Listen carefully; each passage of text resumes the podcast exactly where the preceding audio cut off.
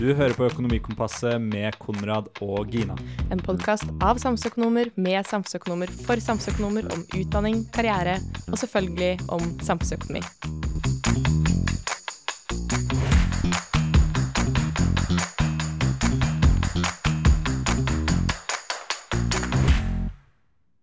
Velkommen til aller første episode av Økonomikompasset. Jeg heter Konrad Almås, og jeg er her med min medvert Gina Gerhardsen.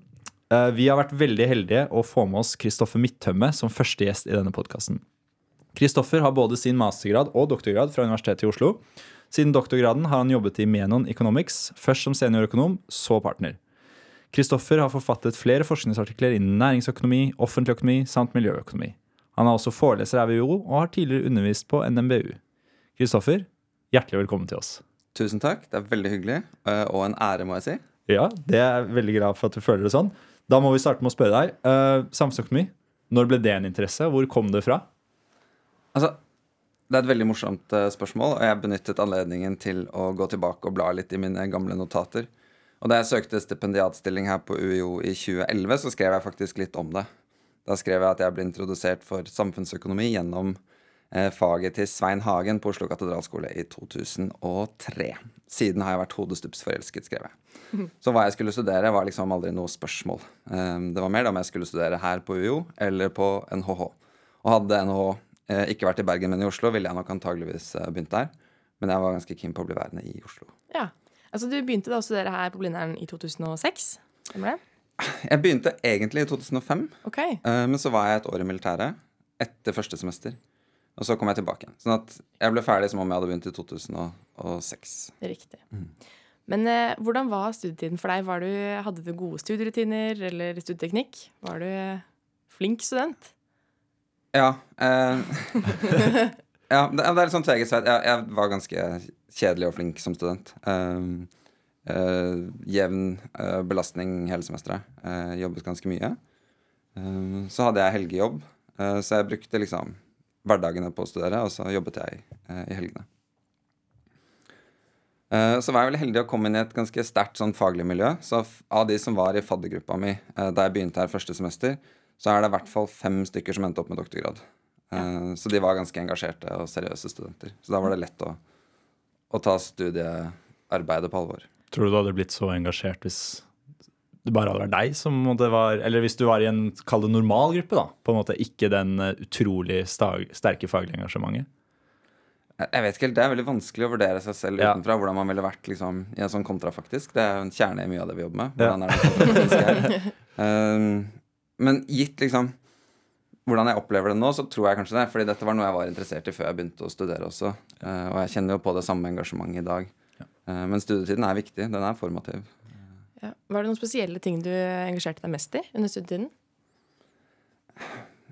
Altså, som veldig mange sikkert, så trodde jeg at jeg var mest glad i makroøkonomi da jeg begynte å studere. Eh, men så skjønte jeg veldig fort at det var egentlig mikroøkonomi som jeg, som jeg likte best. Um, men det som var veldig interessant med min studieperiode, var at eh, jeg studerte under finanskrisen. Og vi hadde en del forelesere som var ganske flinke til å relatere pensum til det vi kunne lese om i nyhetene eh, hver dag. Eh, tok inn nyhetsartikler, diskuterte, anvendte pensum på de problemstillingene. Så det var viktig sånn utenom, eh, utenom liksom de rene pensumlistene. Um, gjorde du noe utover studiet, på en måte, annet enn å lese, som måte, fremmet din faglige forståelse og interesse? Hadde du noe eh, ja, relevant deltidsjobb, eller Hadde du podkast? Hadde du podkast? eh, skrev du observator? Jeg hadde ting? ikke podcast. Jeg kan ikke si at jeg gjorde så veldig mye som bidro til å, å fremme faget. Altså, det er mange nå som er engasjert, flinke driver fram liksom, endringer i pensum eller prøver å drive fram reform av hele økonomifaget. Det kan jeg ikke påstå at jeg drev med. Eh, men jeg engasjerte meg i fagutvalget. Jeg var med i Econlink, organiserte den, eh, den eh, kandidattreffet eh, som Ja. linke samarbeider med samfunnsøkonomene om. Eh, så jeg, en møteplass for, eh, for samfunnsøkonomistudenter og arbeidsgivere. Ja. eh, For å prøve å Det var et arbeid som var startet før jeg begynte her, med, med Econlink, men å prøve å øke eh, arbeidslivskompetansen til samfunnsøkonomistudenter. Blindern-studenter er kjent for å komme på at de skal søke jobb etter at de har levert eh, masteravhandlingen. Eh, og det er faktisk litt seint, fordi da har alle andre hatt en eh, kontrakt med sin arbeidsgiver i nesten et helt år. Ja, ikke sant. Så de spennende jobbene blir tatt hvis man sover i timen. Så det er tips til studenter å være litt mer på. Det er det. Eh, Det er det faktisk. Orientere seg.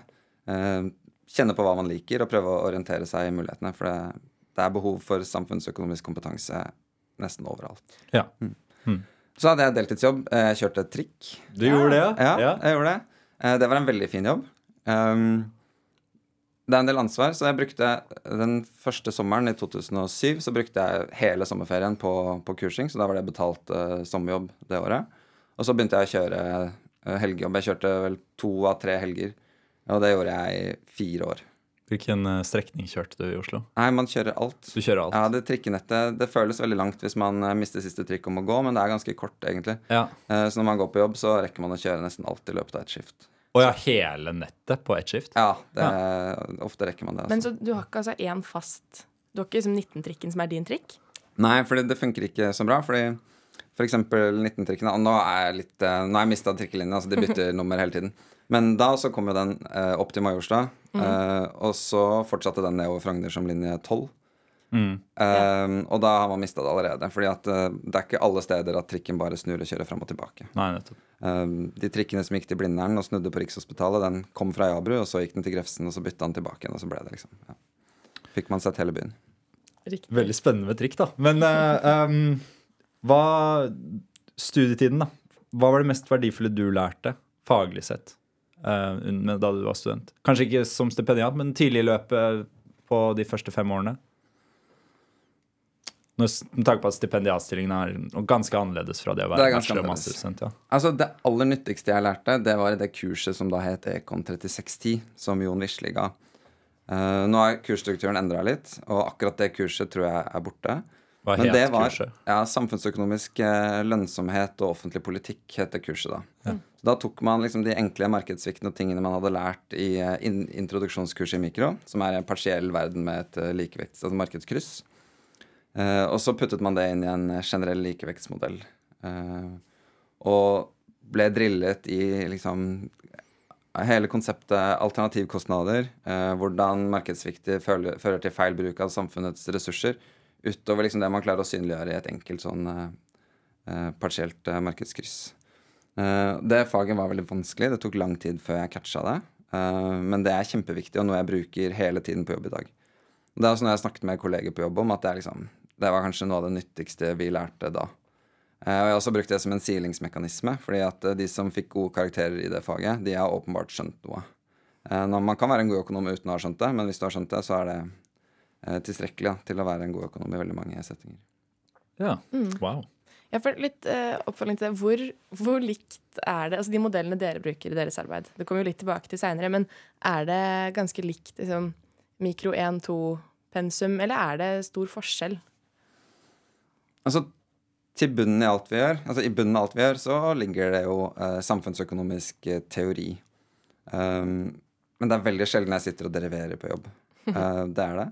Um, jeg tegner, vi tegner kryss og, og figurer for å illustrere problemstillinger. Um, men liksom de matematiske modellene som vi bruker, det er jo et fundament som hjelper oss å tenke strukturert. Eh, men man skal ikke langt utenfor Økonomisk institutt på Blindern før folk ikke helt forstår det. Eh, sånn at det er ikke et godt pedagogisk virkemiddel overfor ikke-økonomer. Eh, og min jobb er ofte å formidle eh, til ikke-økonomer, og da, da kommer man ikke så langt med de matematiske utregningene. Så hva skal man si um, En grundig forståelse av det mest Ja, en god forståelse av det mest grunnleggende er nyttig da, i nesten alle sammenhenger hvis man skal jobbe med samfunnsøkonomi. Ja, både, for, ja, Ja. både for videre forståelse, men også det å kommunisere det til ja, potensielle oppdragsgivere og sånne ting. Ja. Jeg håper vi kan snakke mer om etterpå hvordan og hvilken grad samfunnsøkonomifaget blir brukt. Eh, men det synes jo mye mot liksom, de basale sammenhengene. Ja. Uh, det gjør det. Det, kan vi, det skal vi absolutt komme mer tilbake til. Ehm, utover pensum, da, som student, hva var, liksom, hva var den mest erfar hva er den mest verdifulle erfaringen der? Det var kanskje um, å lære litt mer om hvordan jeg selv uh, jobber og funker. Um, når jeg foreleser nå, så pleier jeg å vise et sånt sitat uh, som er litt uh, teit og pompøst, og det er helt umulig å finne ut av hvor det egentlig kommer fra. Men I see and I forget, I hear and I remember, I do and I understand. Uh, og det, det var liksom noe jeg, jeg skjønte etter hvert, at eh, hvis jeg bare leser noe i pensum, så går det rett ut. Får det ikke med meg. Det å høre det på forelesning var veldig nyttig. Jeg gikk på alle forelesninger. Men det liksom å ta notater og prøve å gjøre pensum til sitt eget, det er helt avgjørende for at jeg skal uh, kunne bruke det eller, eller huske det senere. Um, og da vi studerte, så hadde vi en sånn muntlig eksamen på slutten etter fem år. Jeg gikk det profesjonsstudiet. Eh, og den muntlige eksamen etter fem år var ikke bare om masteroppgaven. Da kunne man få spørsmål om hva som helst som man hadde lært i løpet av de fem årene. Og det å sitte og bla gjennom sine gamle notater da og si at å ja, men jeg trenger egentlig ikke lese det som står i disse notatene, fordi at bare det å skrive det har gjort liksom at jeg har internalisert det øh, og gjort det til mitt eget. Da, da, da skjønte jeg liksom verdien av de, øh, av de notatene. Eh, Og fortsatt er det sånn Jeg klarer liksom ikke helt å bare sette meg ned helt alene og tenke på en problemstilling. Hvis jeg skal få noe ut av det, noe som skal til en kunde eller hjelpe en kollega, så må jeg liksom enten snakke om det, eller jeg må liksom skrive det ut på papir eller stå på en tavle og tegne. liksom Bare sitte ned og, og bare tenke inn i hodet. Det, da kommer jeg ikke så veldig langt. Du må forstå konseptet på din egen måte først. Ja. Og innimellom så blir det da litt feil. ikke sant? Det, er- hvis ikke man skal bruke akkurat de samme ordene som, som den som skrev den opprinnelige teorien, så kan det hende det blir litt feil. Eh, Men ofte er, liksom, er det likevel veldig nyttig da, å få sin egen forståelse av alle konseptene og hva teorien eller fenomenet egentlig sier. Ja. Altså For å runde av denne studiebolken, eh, har du en slags liten life hack eller et lite tips til studenter for å gjøre hverdagen eh, litt enklere? Det kvalifiserer definitivt ikke til noe hack. For en hack skal liksom være en enkel løsning på noe vanskelig. liksom, men Det er ikke noe gratis lunsj. Um, og det må være det dølleste man kan si, tror jeg. Men det er faktisk ikke nok timer i døgnet når man nærmer seg eksamen, til å ta igjen hvis man ikke har jobbet uh, jevnt og trutt hele veien. Uh, det funker ikke. Det var svært svært dølt life hack. ja, definitivt, liksom. Men uh, tro meg, det er sånn i arbeidslivet også. Så rett og slett bare jobb jevnt. Ja. Det er hacken. Jobb jevnt. Ja. Um, og utover hacken, altså skjønn pensum selv, rett og slett. Og noen andre gode tips som en For mitt vedkommende, velg fag som du syns er interessante. Ikke Ja. tenk altfor mye på, på liksom hva du tror er nyttig. Uh, fordi hvis ikke, du er, hvis ikke du er engasjert i det, så er det nesten umulig å lære seg. Fordi det er ganske vanskelig mye av det vi holder på med. Det var faktisk uh, litt interessant, fordi jeg har hatt lyst til å spørre om det. Vi hører jo ofte unge studenter, og som, de som skal begynne å studere, hører ofte at data, teknologi, det er liksom the next, next thing, det må du være oppdatert på. Om ikke du skal studere det, så må du i hvert fall skjønne det og være så nærme det som mulig. da. Um, men den klassiske samfunnsøkonomimetoden som vi lærer her på Blindern, eksempel, og som studentene på NTNU og UiB også lærer, den er vel fortsatt viktig, relevant, vil du si det? Er det behov for oss, på en måte, eller blir det bare data og det å bruke, analysere og bruke data i Nei. verden fremover? Teoriløs data, det er ikke Det har jeg ikke noe tro på. Det er veldig lite verdi. Eh, Man må tolke og forstå dataene, og dataene skal brukes inn i en eller annen eh, beslutningskontekst eller til å belyse et eller annet. Eh, Og så kan det godt hende at liksom store språkmodeller eh, klarer å fortolke alle data riktig. Det har jeg ikke noe tro på. Um, men jeg, en, en god eh, dataanalytiker er en data scientist og ikke en samfunnsøkonom. Vi har noe helt annet eller noe mer å komme med til bordet, selv om vi er empirisk eh, sterke. Ja. Så er det liksom både uh, å forstå kausalitet. Hvordan kan man trekke kausale sammenhenger ut av data? Det er overraskende vanskelig, og det er det få som har brukt så mye tid å tenke på som det uh, samfunnsøkonomer har gjort. Um, men også liksom forstå hvordan de uh, kausale sammenhengene man eventuelt får ut av dataene, er relevante for de beslutningene som skal tas. da. AI kommer ikke til å erstatte samfunnsøkonomien med første. altså. Jeg tror ikke de kommer til å erstatte øh, noen øh, med det første. Nei. Eh, på lang sikt veldig vanskelig å, spå. spå. I Menon, for eksempel. Kommer dere til å endre måten dere jobber på hvis dere begynner å ta inn AI? Er det noen oppgaver dere kan delegere bort da, til kunstig intelligens? Ja, og det er noe vi tenker veldig mye på. Og det tror jeg alle, alle som driver business eller offentlig forvaltning, tenker mye på. Hva, hvilke oppgaver er det man kan sette ut? Uh, og det er, selv om teknologien bare stopper der den er i dag, da, på sånn, generativ kunstig intelligens, så kommer den til å ha enorme bruksområder.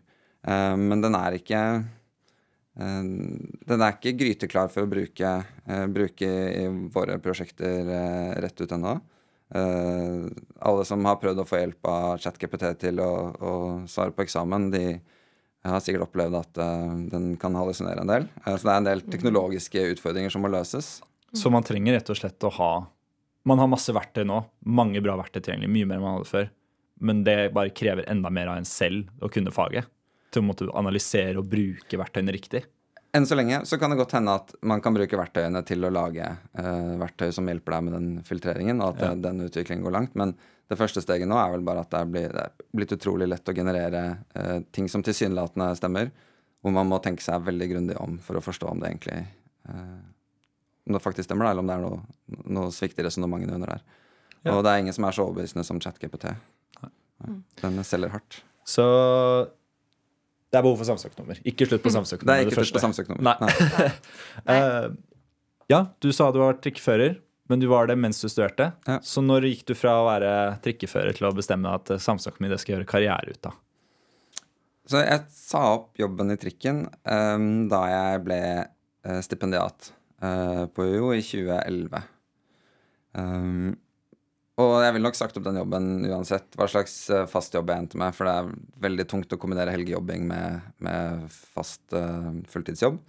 Um, så det var, det var i 2011. Um, og da var jeg på leting etter mange ulike jobber. Det var ikke åpenbart for meg hva, nøyaktig hva jeg skulle gjøre. Jeg husker jeg hadde vært på bedriftspresentasjoner med uh, det som da var liksom det ledende samfunnsøkonomikonsulenthuset, Ekon Analyse, uh, var det tidlig i studietiden. Og syntes det var veldig spennende. Um, Da jeg søkte jobber, så søkte jeg på sånne konserntrainee-programmer både i Storebrand og Skipsted. Og liksom kunne tenke meg å, å bruke faget, som er liksom en verktøykasse som jeg snakket om, på andre ting. da. Uh, Fordi jeg begynte på samfunnsøkonomi fordi jeg trodde makro var spennende.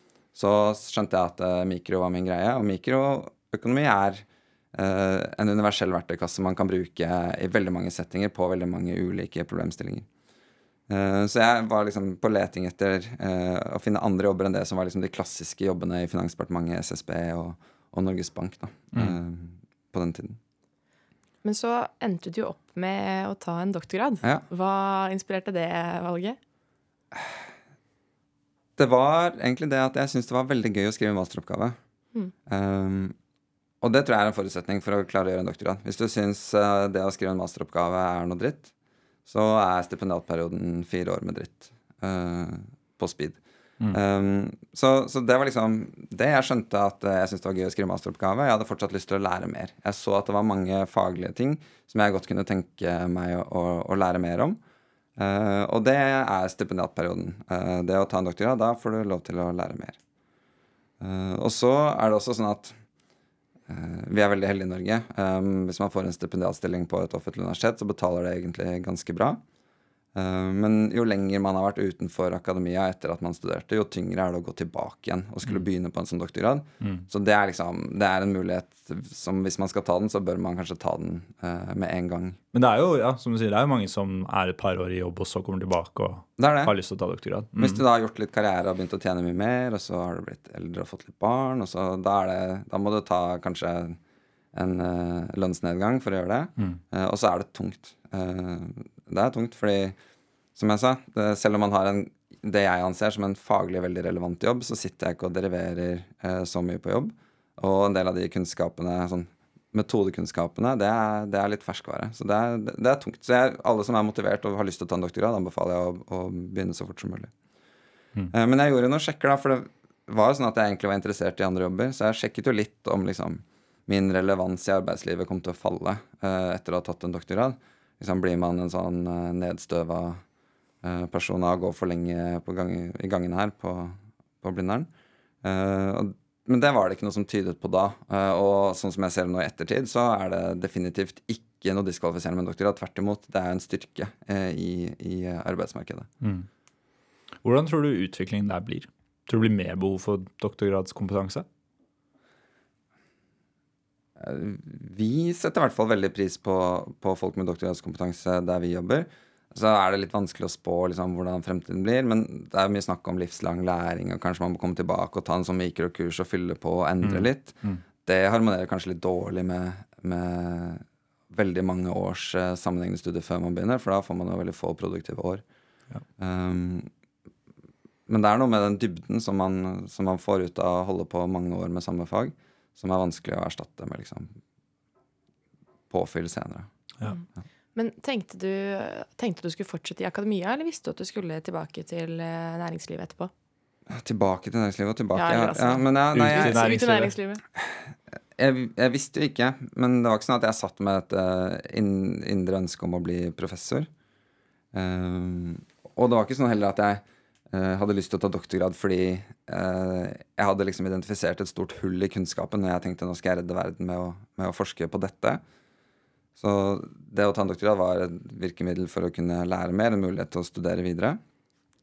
Og, og jeg merket jo at, at det å være i akademia kanskje ikke var helt for meg, da. Um, nå er det Det er både tilbud og etterspørsel da, i, et, i et arbeidsmarked her. Um, og jeg søkte faktisk uh, jobb her. Søkte på sånn tenure track-stillinger. Jeg gjorde det to ganger. Um, så det, det var ikke liksom helt utelukket. Um, men jeg merket jo at jeg trives mye bedre med eh, en arbeidshverdag som jeg ikke fant i akademia i løpet av stipendiatperioden. Um, der jeg jobber nå, har vi veldig kort vei mellom liksom, probleminnsikt og endelig resultat. Eh, skal løse et problem, forstår det, kan skrive noe, så er det, er det løst liksom, noen uker eller kanskje måneder senere. Mens da jeg holdt på her, så var det veldig lang sånn publikasjonssyklus fra liksom man hadde ideen til dette måtte finslipes til et, eh, noe som var publiseringsverdig, og så til slutt bli publisert. Og nå er det en del av læringsprosessen eh, som, som eh, stipendiat. At man skal liksom lære seg det faget. Så det vil jo bli kortere eh, når man blir flinkere. Men eh, det er fortsatt lange publikasjonssykluser i økonomi. Økonomi er kjent for det, at det tar veldig lang tid før ting blir endelig publisert. Og så går ikke jeg rundt og brenner med masse forskningsspørsmål. Og det tror jeg er en forutsetning for å trives i akademia. At man er, veldig nysgjerrig og klarer liksom å, å finne den indre motivasjonen.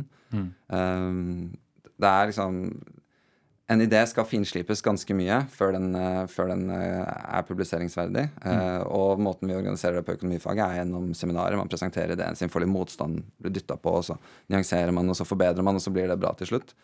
Men det er veldig tungt hvis man ikke liksom har veldig tro på den, den ideen selv. Da. Jeg er, rimelig smart, men syns det er mye morsommere å løse andres problemer. da. Kjenne på at det er noen andre som faktisk har behov for dette svaret. De trenger Ja. det. De har glede av å få vite dette, og jeg kan hjelpe dem. Ja. Det gir meg mye. Og så jobber jeg veldig uh, sosialt nå. Det er mye samarbeid. Um, jeg skrev tre forskningsartikler sammen med andre som del av doktorgraden min. Men hver dag nå så har jeg mi- minst like intens samhandling som det jeg hadde i de mest intense samhandlingsperiodene. Så det å forske er, eh, er mer, mer, mer ensomt, da. Og Ja. det passet ikke meg så bra. Nei, du, så etter doktorgraden så ble du jo først økonom i Menon, og så er du nå partner. Nå var du litt inne på det i stad, men kunne du kanskje fortalt litt om hva dere i Menon jobber med? F.eks. hva slags prosjekter er det dere, et typisk prosjekt da, som dere holder på med? Um, så vi jobber jo både med offentlig sektor, med organisasjoner og med private bedrifter. Og det vi hjelper dem med, er jo alle mulige samfunnsøkonomiske uh, problemstillinger. Uh, mye mikro. Eh, markedet i Norge for makroøkonomiske analyser er ikke så veldig stort. Bankene jobber mye med det. Så, og så er det SSB og, og Norges Bank og litt i Finansdepartementet sikkert i økonomiavdelingen. Men ellers er det ikke så veldig mye privat eh, marked for, for makroøkonomiske analyser. Men hva vi driver med, spenner egentlig veldig bredt. eh, Og det er noe av det, av det som er gøy. Det kan være en eh, klassisk kost-nytte-analyse av en offentlig investering. Til eh, mer sånn konkurranseøkonomisk vurdering av hvordan en regulering påvirker markedet. Eh, Og det lurer jo både offentlig sektor på før de skal innføre reguleringen, og så lurer jo private bedrifter på det. Nå driver offentlig og, og rasler med denne nye reguleringen. Hvordan vil det påvirke oss? Hvordan burde vi tilpasse oss dette? Eh, Eh, Er det noen uheldige virkninger som vi burde gjøre oppmerksom på, så vi kan påvirke rammebetingelsene våre før, før det er satt? Um, til mer sånn hva er lokale samfunns- og verdiskapingseffekter av en større industriinvestering? Ehm, til å bistå private bedrifter som enten eh, har fått trøbbel med konkurransemyndighetene eller eh, i et eller annet eh, privat søksmål.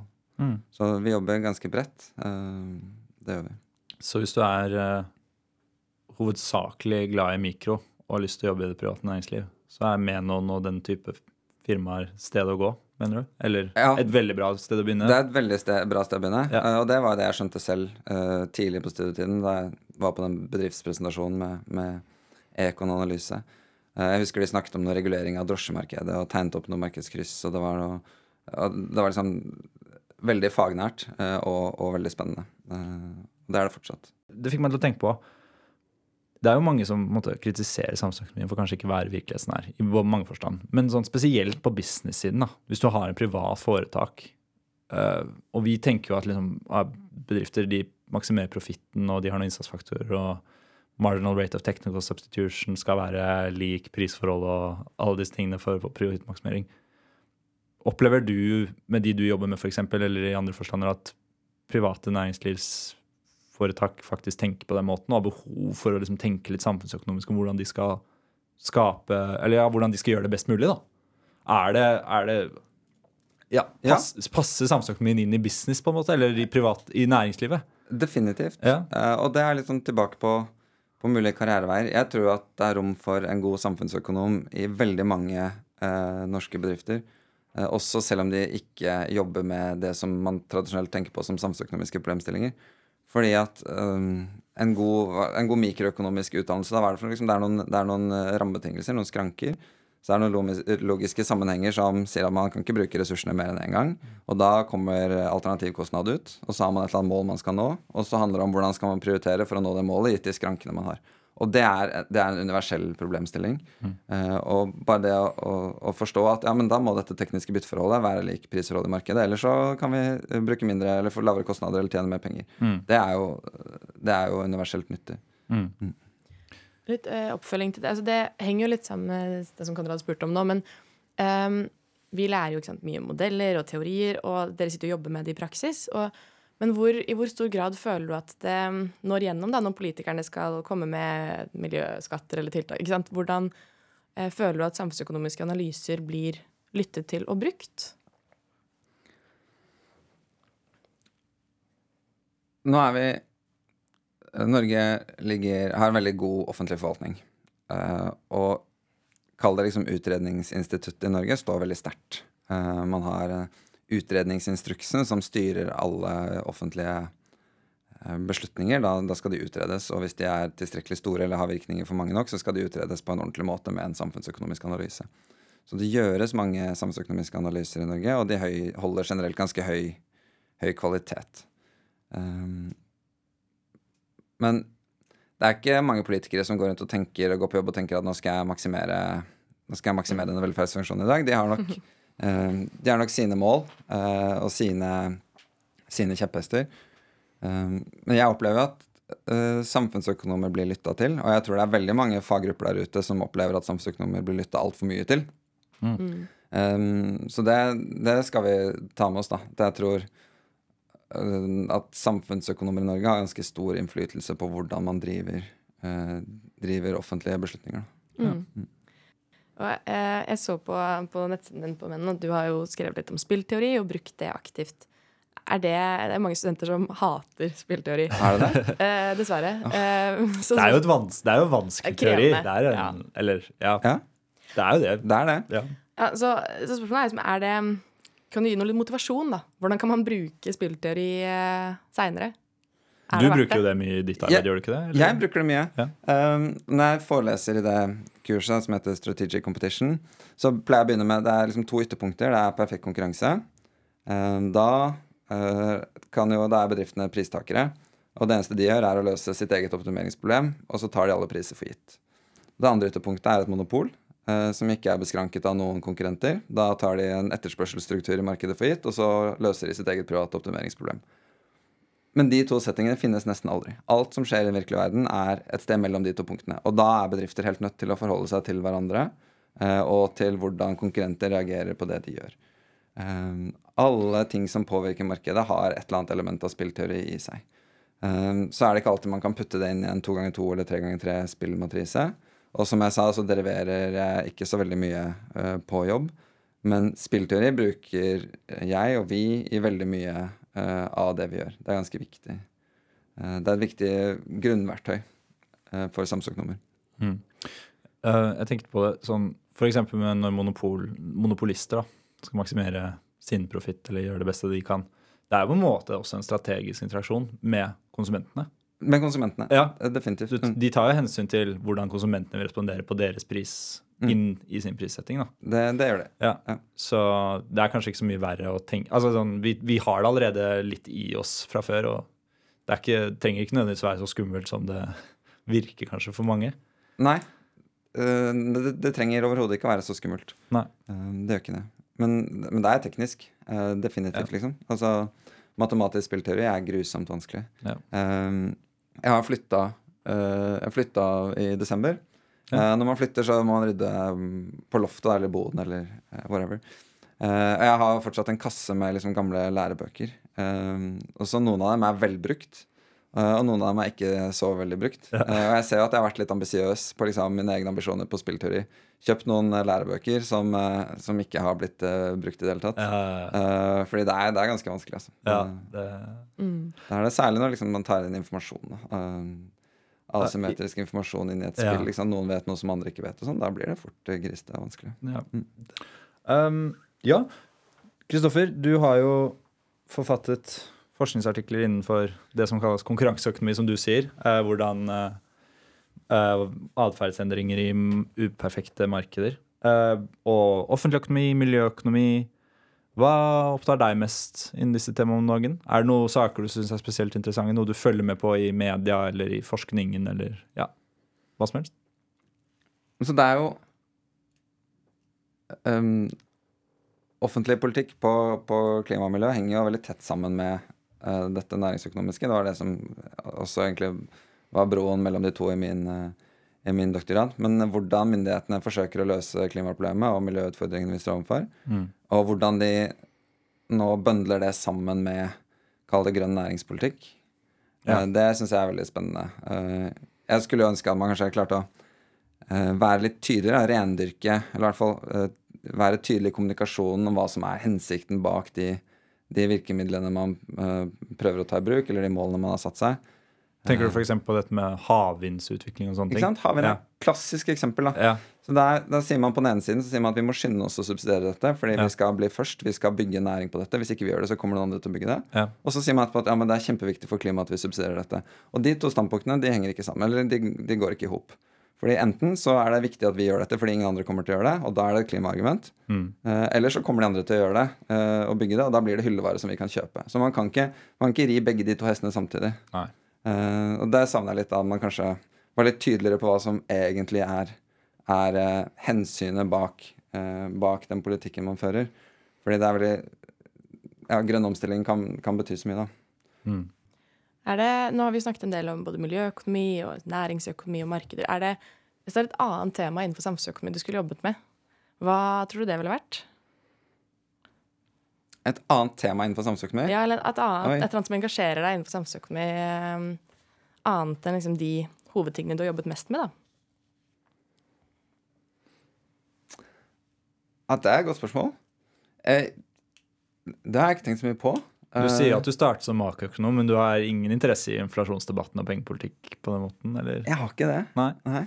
Og så vet jeg ikke helt liksom hvorfor jeg mistet eh, engasjementet for det underveis. Men eh, Nei, det, det, det vet jeg ikke helt. Nei, det, og, det, og det er liksom morsomt, fordi når man snakker med andre om at man er samfunnsøkonom, så begynner de å spørre om ja, hva med renta og Ja. inflasjon. Det er det første de spør om, for det er det alle tror du kan noe om. Ja. Men det er jeg ikke så veldig, så veldig opptatt av. Nei. Da har du valgt rett, da, høres ut som. Ja, det tror jeg. Det tror jeg. Men det er en fin, det er en fin måte å avslutte på. ja. Vi kan eh, eh, Vi har jo et par avslutningsspørsmål. Nettopp. Eh, først da, Er det noen bøker, artikler eller forfattere du skulle ønske at sto på pensumlisten i samfunnsøkonomi i dag? Her tror jeg det er kjempefare for å være veldig arrogant. Eh, nei, nei, men helt oppriktig. Eh, det er ofte debatter i media hvor folk uttaler seg om hva som burde være på pensum. Ja. Eh, og jeg syns at de professorene som går ut og, og forsvarer eh, det valget som er gjort, de gjør en veldig, kommer veldig godt ut av de diskusjonene. Så det å sitte på utsiden og mene hva man burde putte på pensum, det, det, det skal jeg være litt forsiktig med. Nå er det liksom det faget jeg kjenner best. Ja, ikke nødvendigvis ja. hva innholdet skal være, men er det en, annen, en bok eller en forfatter du mener er sånn Han er så faglig sterk, da. At han eh, Hvis du har lyst til å lære økonometri, så han kan det, f.eks. Og han Ja, det kan både være innhold og kvalitet, da. Så, så det, nå er jeg så heldig da at jeg får lov å forelese her. Sånn at det faget jeg kjenner best, der har jeg jo selv eh, kontroll over pensum. Sånn at der, der må jeg bare leve opp til eh, Altså eh, talk to talk. Ja. Nei, walk to walk. Ikke bare talk to talk, men også walk to walk. Riktig. Fort gjort. Eh, og det har jeg gjort. Der byttet jeg ut uh, læreboka. For da jeg tok over, så var det en lærebok fra 80-tallet av uh, Chantirol, Tirole. Ja. Nobelprisvinner, er det ikke det? Yes, og boka er dødsbra. Ja. Um, men alle eksemplene på elektronisk kommunikasjon handler om fasttelefoner. Uh, så for å heve liksom, engasjementet for, for studentene litt, så har jeg byttet ut den med en mer moderne bok. Mm. Så man får litt mer relevante eksempler. Hvis ikke Ja. jeg husker. Ja, det var en god bok, det. Mm, jeg liker den boka godt. Ja. Ja, um, da har vi dekket faglig. Har du et ikke-faglig boktips? Er det noe du leser om dagen, eller noe du har lest som du tenker dette burde folk få med seg? Kanskje spesielt for uh, de som studerer? Så jeg um, de siste, Nå har jeg to barn. Et på ti og en på fem. Ja. Uh, så de siste ti årene har jo vært veldig travle i livet mitt. Så det jeg leser som ikke er fag, er, er først og fremst krim. Uh, så later jeg som, eller prøver å bruke, eh, når jeg først skal lese krim, til å liksom lære meg noe uh, mer relevant. Så vet jeg ikke om det funker. Men jeg har lest en, en krimserie fra Kina som jeg liksom håper uh, gir meg et eller annet. Istedenfor å bare lese om drap på Bjølsen, så kan man lese om uh, drap i Shanghai, og kanskje man uh, får noe ut av det. Ja. Lære litt om Shanghai-kulturen og sånne ting. Ja. Så, Noe spesielt du vil anbefale vi kan dele med gjestene våre? Eller? Det er en uh, bokserie som handler om en fyr som heter Inspector Chen. Da. Da er ikke jeg noe god på å uttale kinesiske navn, men uh, Qiu Xialong heter han. Jeg kan uh, legge ved en lenke hvis dere Ja, så kan vi få delt den. Eh, ja. Gina, vil Ja. du avslutte? Nei, men flott. Tusen takk skal du ha. Dette har vært eh, veldig, veldig hyggelig. Første episode. Tusen takk. Vi gleder oss til å Ja, vi har gledet oss over å ha deg her, rett og slett. Takk. Det har vært en ære. Veldig hyggelig. Veldig spennende. Takk Og til dere som lytter på, vi kommer med flere episoder. Vi gjør jo det. Vi er bare så vidt i gang. Vi er så vidt i gang. Ha det godt. Ha det bra.